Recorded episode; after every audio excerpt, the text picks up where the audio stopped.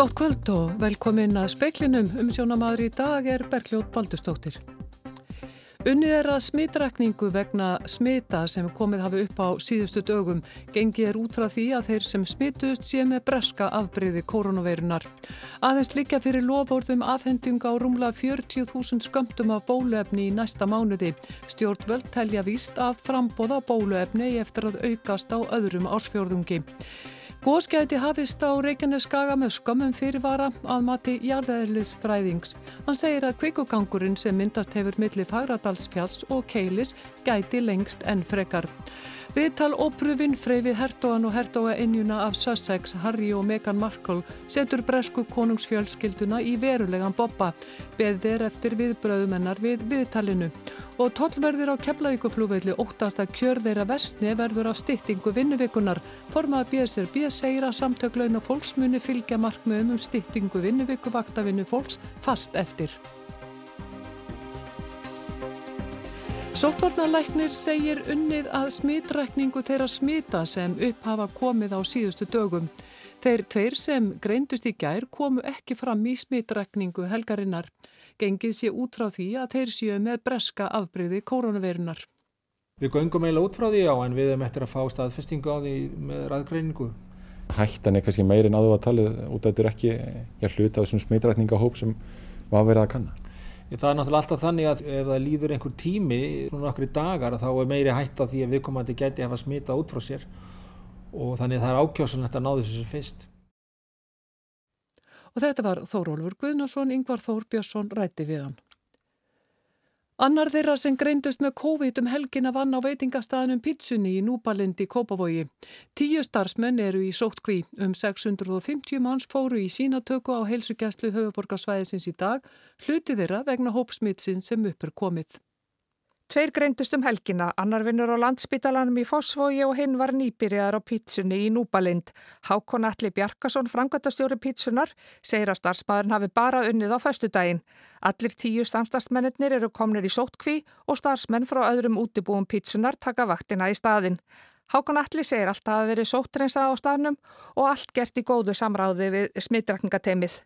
Tvöfalt fleiri kom í sínatöku í gær en í dag á höfuborgarsvæðinu. Í gær kom stærstur hluti tónleikagesta í hörpu á föstu daginn. Á þeim tónleikum var einn sem greindist mittaður með breska afbreyðu kórunaveirunar á lögadag. Gestunum stendur til bóða að koma aftur í sínatöku á fymtudaginn en það getur tekið nokkra daga fyrir smitt að koma fram í sínum. Gestinni þurfa þó ekki að vera í sótt kvíð þanga til heldur verða þeir að fara varlega. Meðal þeirra sem fóru í sínatöku í dag eru þeir starfsmenn hagköps í Garðabæ sem voru í vinnu aðfara nótt lögurdags og sunnudags á sama tíma á annar starfsmæður sem greindist með smitt í gær. Í kvöld kemur í ljós hvort hann og hinn sem greindist í gær séu líka með breska afbreyðu kórunverunar. Þeir tveir tengjast einum þeirra þryggja sem greinst hafa með afbreyðið. Þórdís Arljósdóttir sæði frá. Forsvarsmenn hagkaups fengu vittneskjum smitt starfsmanns fyrirtækisins um tíu leitið í gerðkvöld. Smitt kom einnig fram í höst og segir Sigurður Reynaldsson, framkvæmdastjóri, að reynslan síðan þá hafi reynst mikilvægi að bregðast hratt og vel við. Uh, það sem að tókurinn við í gær og fram á nótt var að, að greina hver, hvaða starfsmæður varum að ræða, hverju þau verið að vinna og ringja og láta alla starfsmenn vita, þannig að menn varu hérna konurinn í sótkví strax í morgun þegar menn vöknuðu. Hvaða ráðstafinir hafa annars verið gerðað? Þurft að sóttir eins að hér vörur og annars líka? Ja, við fórum sko í það strax í gerðkvöldu og aftur í morgun að fara yfir alla mögulega snertifliti í búðinni, öll baksvæði, alla húna, öll tæki og tól sem starfsmenn nota. Nú var þetta kannski starfsmenn sem er mest í áfyllingu og er að nota tjakka og önnu tól sem er kannski mikið á baksvæðum hann að fyrir sko. Þannig að við fórum hérna mikið við það ásamt öllum öðrum snertiflitum í búðinni. Saði Sigurður Reynaldsson í viðtali við Yngvar Þór Björnsson. Góðskæði hafist á Reykjaneskaga með skömmum fyrirvara. Þetta er mat jarðeðlis fræðings. Kvikugangurinn hefur myndast á milli Færadalsfjalls og Keilis en gæti lengst og mesta virknin er nú við söðurendans. En skelver jörða á Reykjaneskaga frá miðnætti af að mælstarinn 2000 jarðskjaldar og þar af 5 starri en 3. Freysteinn Sigmundsson, jarðeðlisfræðingur, segir að kvika streymi jæmt og þétt inn í kvikugangin á milli Keilis og Faradalsfjalls. 15 til 20 rúmmetrar á sekundu, það er það sem er að koma út úr líkanreikningum fyrir síðustu vikuna meðal reynsli. Þetta er svipað á þrjár til fjórar elliða ár af bergkviku sem koma sér fyrir í jarðskorpunni. Freistett segir að flekarhefingar hafi byggt upp mikla spennu á svæðinu og þegar kvikan ferðist neðanjarðar losni um hana. Hann segir sveiblur í skjáltavirkni eðlilegar þó kvikustreymið sé tiltöðlega jæmt. En þetta gæti líka breyst hratt og auðveldasta leiðin fyrir kvikuna væri upp og yfirborð. Þar sem hún á kannski bara kílometr eftir upp og yfirborð.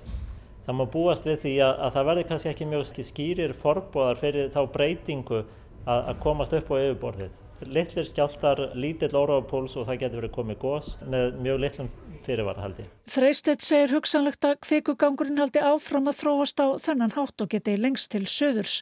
Þó mesta virknin sé nú við söðurhlutagangsins sé ekki þar með sagt að þar muni raun koma upp. Í mínum huga þá getur þetta raun eins komið upp norðan við Færadalsfjall. Og þetta var Freistett Sigmundsson, Anna Lilja Þórustóttir tók saman. Þásteinn Már Baldvinsson, fórstjóri Samherja, hefur kert uppljóstararann Jóhannes Stefánsson til öruglunar á höfuborgarsvæðinu fyrir rángar sakagiftir vegna fullirðinga um tilraun til mandráps og frelsisviftingar. Þásteinn segir Jóhannes nú freista þess að blekja fólk til að leggja fjegi söpnun undir þeim formerkjum að honum hafi verið sínt banatilræði. Þetta kemur fram í yfirlýsingu á VF Samherja. Jóhannes lag gögnum til Víkilíks um starfsemi Samherja í Namibíu og hefur umfjöllunum gögnin byrst í fréttas skýringa þættinum kveik á vef stundarinnar og hjá sjómálstöðinni Al Jazeera. Umfjölluninn var kveikjan að umfangsmikilli sakamálarannsókn í Namibíu og hér á landi. Fórstjóri mentamálastofnunar segir nýtt prófakerfi fyrir rafaræn samræmt próf nöðsynleg. Með núvarandi kerfi næst ekki að uppfylla þau viðmið sem hveði er áum í aðan námskrá grunnskóla.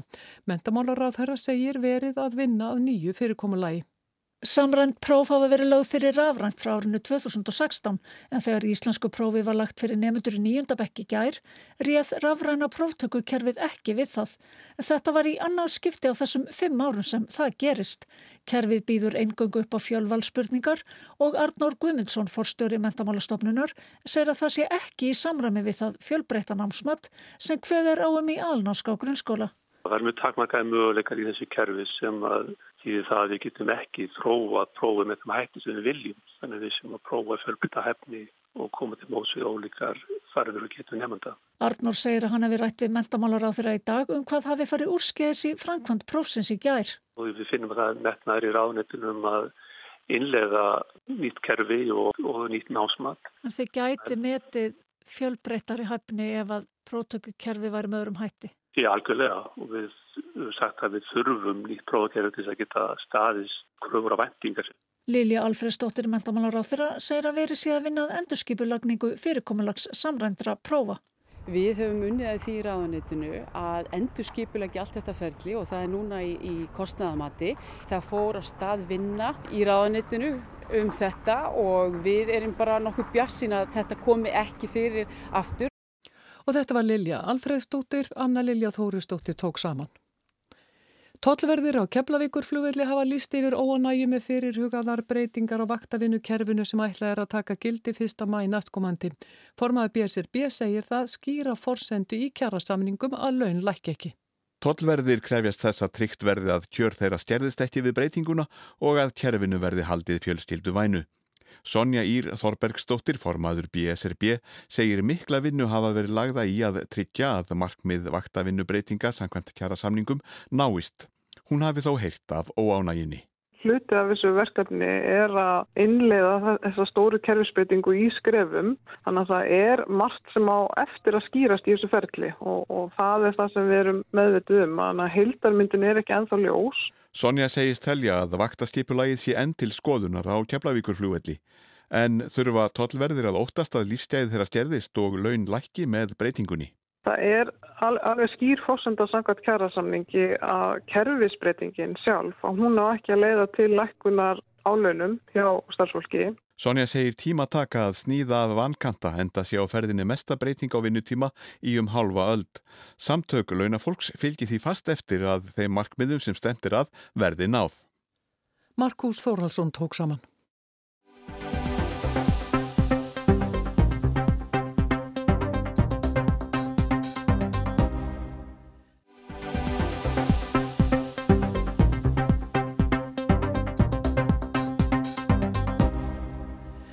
93.000 skamtar af bóluefni við COVID-19 eru til ráðstöfunar í þessu mánuði. Þeir næja til að full bólusetja yfir 46.000 Íslandinga. Hins vegar eru aðeins loford först í hendi um afhendingu rúmlega 40.000 skamta af bóluefni í næsta mánuði. Beðir eftir afhendingar áallun frá Moderna og AstraZeneca og vonir eru bundnar við bóluefni frá Jassen sem fær markasleifi í næstu vikum. Ráðuniti stjóri heilbriðisráðunitisins segir að stjórnvöld séu bjart sín. Ljóst sé að frambóða bóluefnum muni aukast á öðrum ásfjörðungi.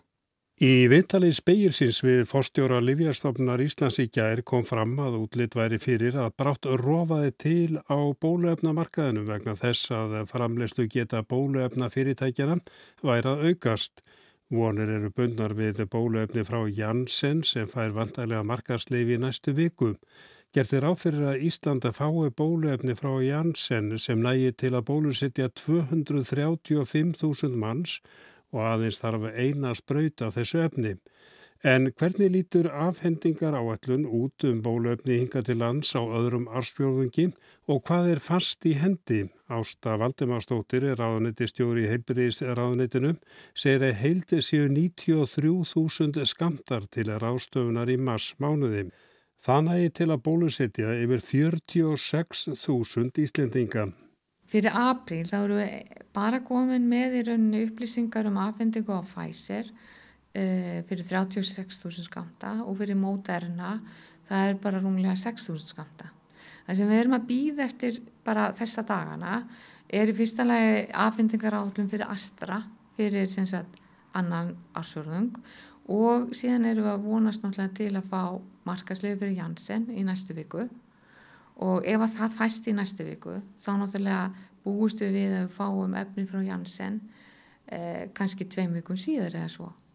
Þannig að það er mikil óvisa í raun og veru því það hafið hérna einhverja skamta fasta í hendi fyrir næsta mánuð. Annars er þetta aukt blað eins og staðan er núna.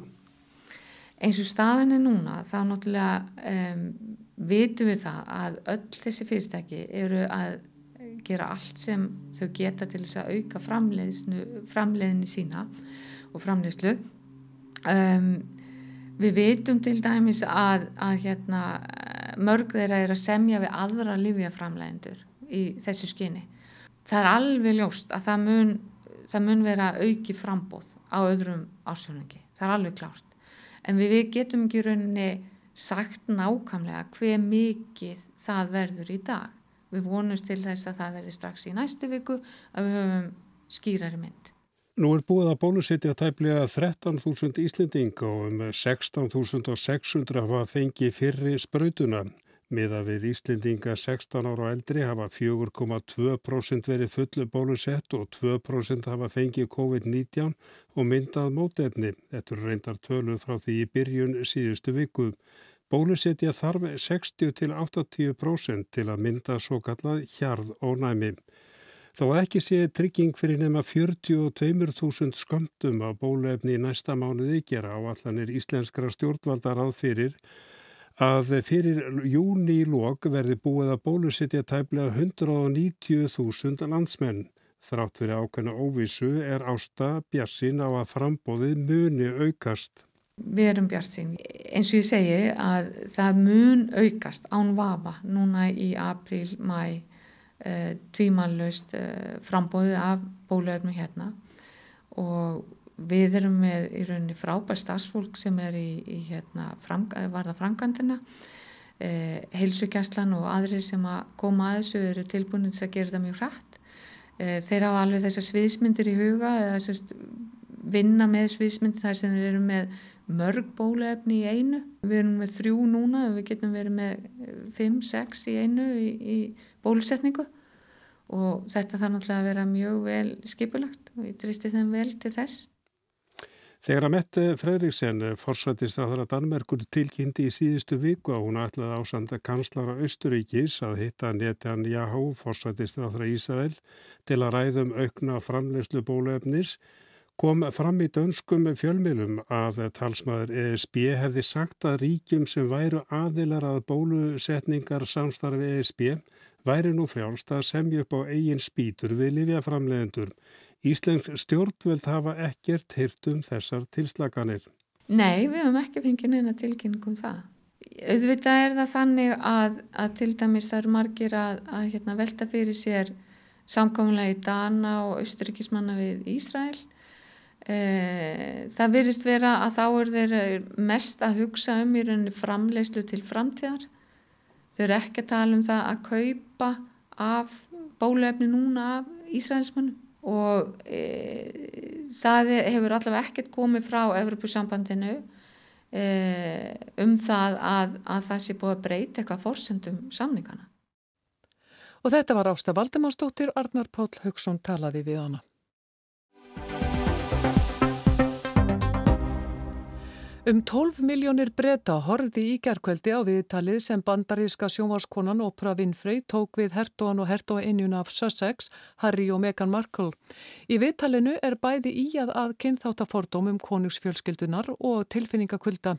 Viðtalið er forsýðu efni allra breskra blada í dag og um fátt annað rætt manna á meðal eins og heyram átt í símaþætti á 50 ás breska ríkisútvassins strax í bítið í morgun. But I don't quite know what it says. I don't quite know what Harry and Meghan feel will be the outcome. It feeds the beast in a way, doesn't it? Yes, yes, yes. The idea that the British press is inherently racist is completely untrue. I think we're going to find that the older generation will be siding uh, with the palace in this situation. The younger generation will be siding with Harry and Meghan. Yeah, that's racism in the press. Já, sitt síndist hverjum á 50 rás Breska ríkisútarpsins í morgun á hverju hertu á hjónin af Sussex, þau Harry og Meghan Markle, fóru í opinskátt viðtal við Ópru Winfrey um kynþáttafordóma í breskum fjölmjölum og að unga fólkið taki málstað ungu hjónana, eldra fólkið standi með Elisabethi drottningu. Boris Johnson, forsætsráð þeirra, hefur undan farin sólarhing ítrekkað verið spurður hvað honum finnist. Nei, ekki verkar hing forsætisráð þeirra að úttala sig um konungsfjölskylduna. Hann hafi hingað til aldrei gerta og haldi því striki. I really think that when it comes to uh, matters to do with the, the royal family, uh, the right thing for prime ministers to say is, uh, is nothing and nothing is the thing uh, that I propose uh, to say today about that, about that particular matter. Ateglin beinist nú að föður Harrys, Karli Prins og ömmunni Elisabethi drottningu. Í morgun þegar Karl heimsóti breskastofnun kallaði bladamadur til hans hvort hann hefði hort á viðtalið. Prinsinn leitt við, hikaði en svaraði ekki. Sir, can I ask what did you think of the interview? Konungsfjölskyldan stendur nú frammi fyrir þeim vanda hvort og þá hvernig hún eigi að svara umælum ungu hjónana um að þau hefðu orði fyrir kynþáttafordómum einhvers í fjölskyldinni.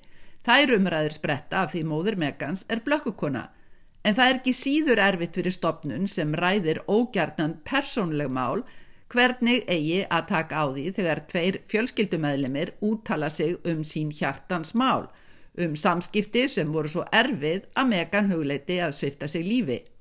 Winfrey spurði Harry hvernig samband hans við föður hans væri, hvort pappin væri farin að svara símtölum hans. Hann hafði ekki gert það á tímabili að sagn Harrys. Your relationship with your father? Is he taking your calls now? Yeah, yeah, yeah.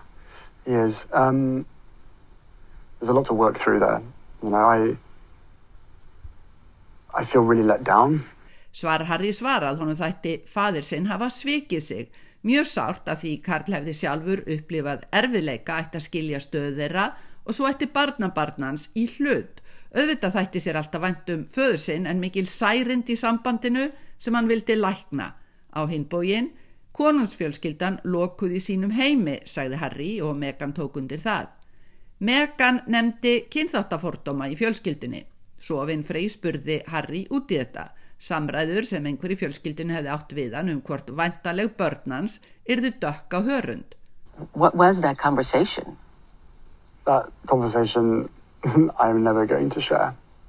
Um, but at the time, at the time it was awkward. I was a bit shocked.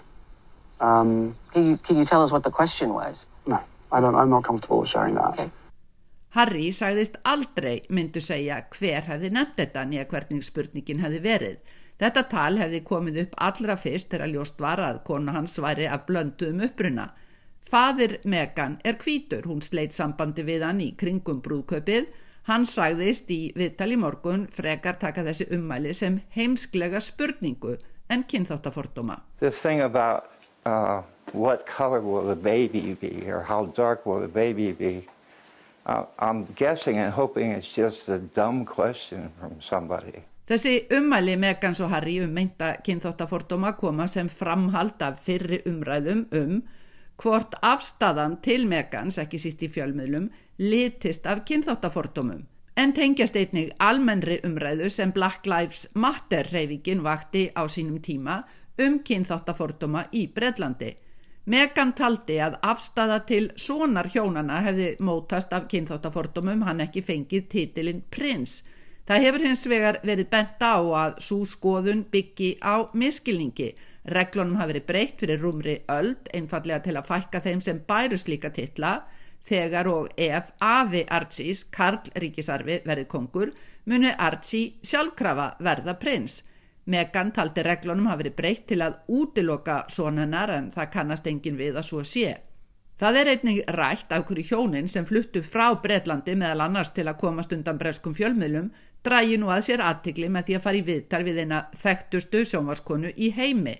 Konungsfjölskyldan glýmir nú við að ákveða þetta að ef einu atrið er svarað er að skilja annað eftir fjölskyldan komin í verulegan boppa.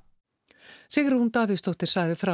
Yfirlýsing barst núna rétt fyrir fréttir frá bresku konungsfjölskyldunni þar sem segir meðan annars að ásakanir um kynþáttafordóma séu teknar alvarlega og að konungsfjölskyldan ætla að taka á þeim í kyrþei innan fjölskyldunar en ekki ofinberlega.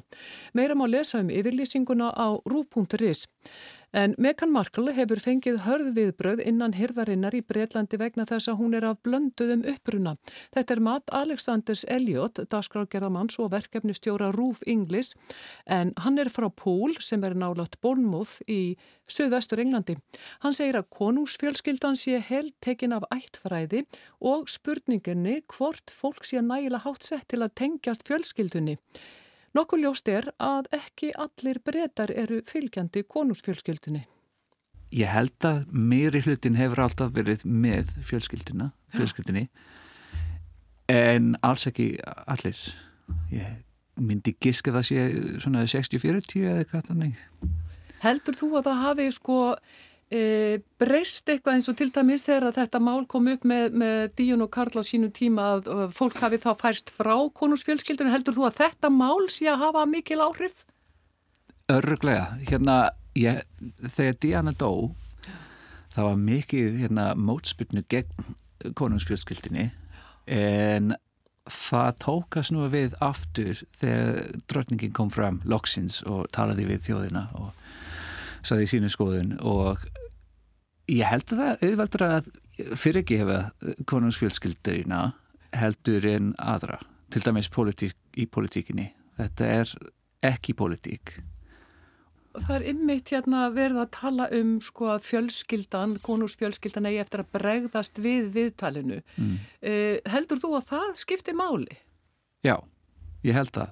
Ég held að fólk hlustar ennþá á, á sérstaklega drotningina og það áhugavert að sjá hvað hún sjálf kom frekar vel út úr vittalinu hérna, hún kom ekki fyrir mikið gaggríni sjálf. Þetta var fjölskyldan og hérna skulum við segja stopnunin hérna, þetta er eins og eins og stopnun, ríkistopnun og það er ekki bara fjölskyldumellimir sem eru að reka þetta Getur verið þá að það sé fólk í Berðlandi sem er í rauninni með uh, þessari stopnun sem konusfjölskyldan er og, og, og fylgjandi Elisabetu en er ekki kannski ánað með afsprengi hennar eða afkomandur hennar, fjölskyldbönnin?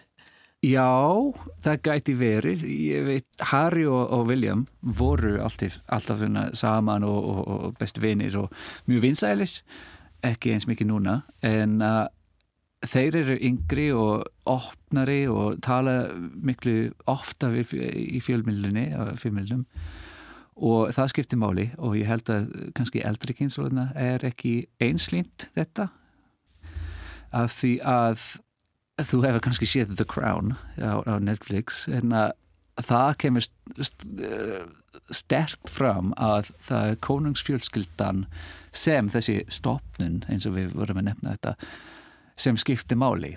Hérna drottningin er ekki kona, hún er drottning. Hún er svona uh, þjóðahöfningi og, og, og ekki, þið veist, þetta er svona karakter sem hún er að leika og fólk viðist skilja það nokkuð vel. Þeirri spurningu var varpað fram hver er hinn konunglegi rasisti? Það er sá sem að spurði hvort að barn, þeirra Megan og, og Harry erði litað. Sko, hefur konungsfjölskyldan verið tengd við kynþáttafordóma áður? Góð spurning. Ég veit ekki alveg en það sem ég get sagt er fjölskyldan er heilt tekið af ættafræði, svona fjölskylditreyjum aldrei og hérna hvaðan fólk kemur svona yfir höfuð, ekki bara frá hvaða landi en, en frá hvaða fjölskyldu ettu, ettu nægilega hásettin til að vera patur af orku fjölskyldu? Og það hefur alltaf verið svona. Og ég held að það sé patur af uh, þessi ég veit ekki hvernig, kerfi sem er í gangi þar. Ég ég myndi ekki segja að þetta beinlínis rasismi en það kemur steklega inn í því. Og sérstaklega núna í, í, í njúverandi samhengi að því að hérna, samfélagið hefur breyst og fólk hefur ekki eins mikið skilning fyrir þessu lengur og ég held að Breitland, jú víst er rasismi uh, vandamál þar eins og, og allstaðar en ekki meiri vandamál, jáfnveil kannski minni vandamál fólk er ekki að fyrirgefa þetta, held ég. Heldur þú að þessi hörðu viðbröð við Megan uh, og það að hún er af sko blönduðu fóreldri, heldur þú að þetta tengist þessari stopnun, þú varst að segja að þetta, það er stopnunin konungsfjölskyldan sem stopnun sem skiptir máli, heldur þú að það sé þess vegna sem hún er að fá svona rosalega hörð viðbröð? Ég held það, já. Uh, aðalega innan hallarinnar Uh, ég get ekki sagt um göttublöðum uh, til dæmis, það, það er eitthvað rassismi í gangi, ég veit það en ég held að það, já það er svona, hún er ekki úr rétta svona fjölskyldu. Ef það væri svört fjölskylda sem var með rétta ætt eins og við gætum kannski orða það það verði ekki eins mikið vandamál en það er ekki þannig. Og þú veist, af því að þessi fjölskyldur sem um er að ræða rekja rætu sínar aftur hundra árum og aðalega bara í Breitlandi þannig að það er engin tækifæri til að breyta þessu án þess að breyta hugsun og stefnu fjölskylduna eða stofnuninnar. Getur þú eitthvað svona bara í lokinn spáð fyrir um hvað, hvað heldur þú að, hvaða áhrif heldur þetta hafi á stofnunina, konúsfjölskylduna? Uh, í, í skemmri tíman, engin. En þegar það kemur að skoðunarkannanir, þá gæti það skiptumáli og hver veit, eftir svona, sérstaklega eftir drotningin deyr, hver veit. En, en ég held að stopnunin konungsfjölskyttan er svo sterk og svo í miðju allt sem gerist í politíkinni og þjóðalíf þarna í Breitlandi að það myndi ekki breyst þannig séð strax en þótt að það verður ekki eins vinsæl.